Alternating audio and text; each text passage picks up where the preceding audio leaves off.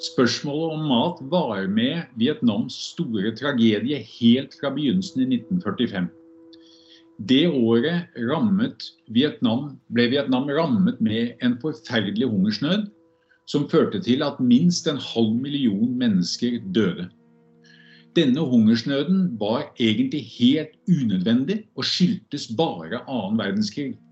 Det fantes nemlig store mengder ris som ble produsert i det sørlige Vietnam, og som kunne blitt transportert til nord for å hindre hungersnøden der.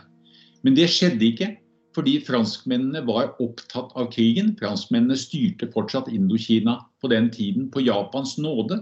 Japan bidro også til hungersnøden ved å ta store mengder ris som de lagret for sine tropper. Og USA bidro ved å bombe og ødelegge jernbanen og skipene som kunne transportert risen til nord.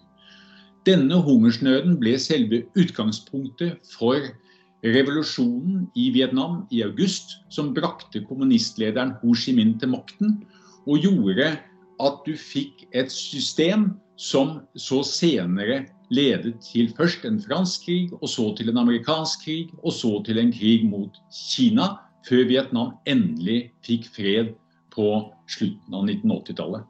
Eh, etter andre verdenskrig så fortsatte bare hungersnøden i Vietnam. Hva skjedde? Kampen om mat spilte også en stor rolle i den franske krigen i Indokina fra 1946 til 1954, og i den amerikanske krigen, som jo også var en krig mellom Sør-Vietnam og Nord-Vietnam fra 1959 til 1975. Eh, I den amerikanske krigen det, ble det brukt ganske avanserte midler for å hindre støtte til geriljastyrkene som sloss mot det sørvietnamesiske regimet, som jo var støttet av USA. Det mest kjente her var det såkalte Agent Orange. Det var ett av flere kjemikalier som ble sprøytet med eh, helikoptre og fly utover skogen, sånn at den skulle miste løvverket og sånn at man kunne se opprørerne når de opererte.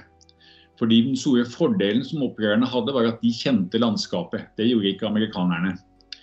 Eh, disse sprøytemidlene førte til store skader, bl.a. på frukttrær, som var viktig for lokalbefolkningen.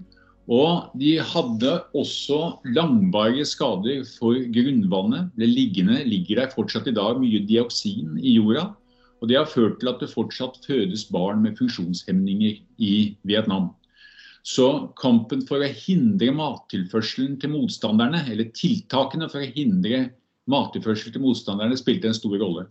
Jeg kan også nevne et annet middel som amerikanerne brukte. De hadde 150 store, tunge traktorer med såkalte romaploger bak. Ploger pleier jo å være noe som eh, bønder bruker for å dyrke jorda. Men disse plogene var motsatte. De hadde lange kniver som skar i stykker alt som kom, for at det skulle legges brakk, og sånn at ikke befolkningen skulle kunne dyrke mat. Den, den, historien om denne krigføringen er også historien om Vietnams tragiske avskoging. Den gangen under krigene var det fortsatt mye skog. Mye ble ødelagt under krigen. Mye ble senere ødelagt gjennom nedhugging kommersielt. Så i dag er Vietnam et land som ikke lenger har sine store urskoger. Men hungersnøden er over i Vietnam nå? Hungersnød i Vietnam er heldigvis nå noe som tilhører historien. Og egentlig har det vært unødvendig gjennom det meste av historien, fordi at de har så fantastiske rismarker både i nord og i sør, og særlig i sør. Så hungersnød er unødvendig i Vietnam. Det skulle ikke skje, men det skjedde under annen verdenskrig pga. krigen. Og pga. at det da ble ødelagt all muligheter for transport av ris. Faktisk brente de ris som brensel i Sør-Vietnam, mens man i Nord-Vietnam døde av sult.